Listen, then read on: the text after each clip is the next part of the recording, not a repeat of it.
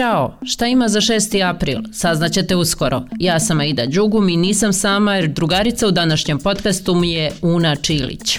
Dobro jutro i od mene. Pa šta imamo za danas? One, two, three, four. Uh, Prvo, hitna sjednica predstavničkog doma federalnog parlamenta. Jedna je tačka dnevnog reda, imenovanje vlade federacije. Tako je rekao Mladen Bošković, dopredsjedavajući ovog doma. A točka će razmatrati onaj materijal koji smo dobili od rukovodstva Federacije Bosne i Hercegovine. Tu je odluka predsjedateljice o imenovanju premijera, odnosno predsjednika vlade, zamjenika premijera, odnosno predsjednika vlade i ministara u vladi Federacije Bosne i Hercegovine. Uz tu odluku je došla i suglasnost od dopredsjednika Federacije Stojanovića i došao je dopis, odnosno odgovor do predsjednika Federacije Lende da on nije suglasan da, da. Poručio je i da predstavnički dom neće uraditi ništa što je protivno ustavu i zakonima, a rok za formiranje nove vlade ističe danas. To je po ovim novim pravilima koje je nametnuo visoki predstavnik Kristijan Schmidt. Jeste i OHR se jučer oglasio. Održali su, kako su se sami izrazili, kurtoazni sastanak sa predsjednicom i podpredsjednicima Federacije BiH kako bi Schmidt saznao korake za formiranje nove vlade, jer ova stara troši već devetu godinu mandata. E, a znaš šta mi je Leila rekla? Da svima moram od nje čestitati dan grada Sarajeva. Kaže ona svjetski dan Sarajeva. Pa evo sretan dan Sarajeva svima koji slave, a Leili najviše.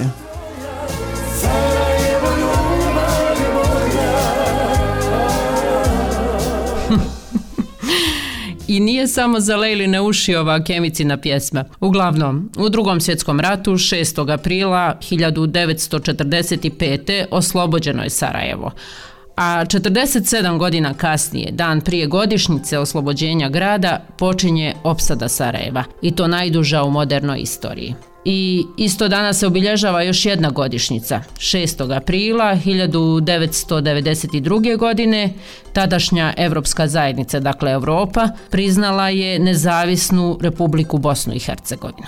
Pa jeste, ovo danas se svašta obilježava. A tim povodom svi koji se nađu u Sarajevu mogu da besplatno posjete sedam institucija kulture od značaja za BiH.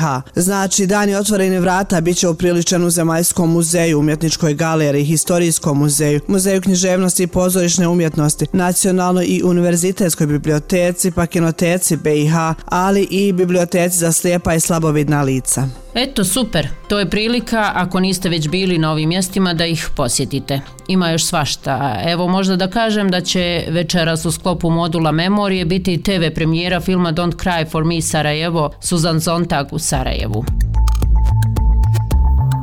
A hajmo sad malo o hrani.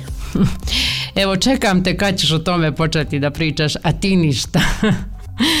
da te čujem šta ćemo o hrani pričati, još nam je rano da mislimo šta ćemo za ručak.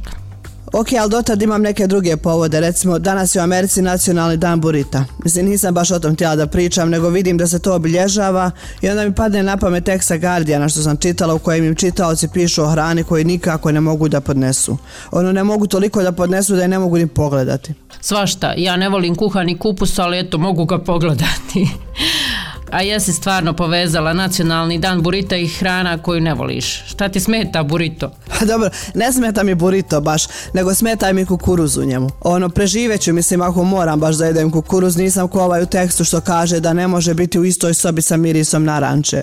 Ne mogu ni ja više da pričam o hrani, ja da ne jedem i ne zaboravite danas je Međunarodni dan zabave na poslu. Pa možda da se ne nervirate, nego onako malo se i nasmijete.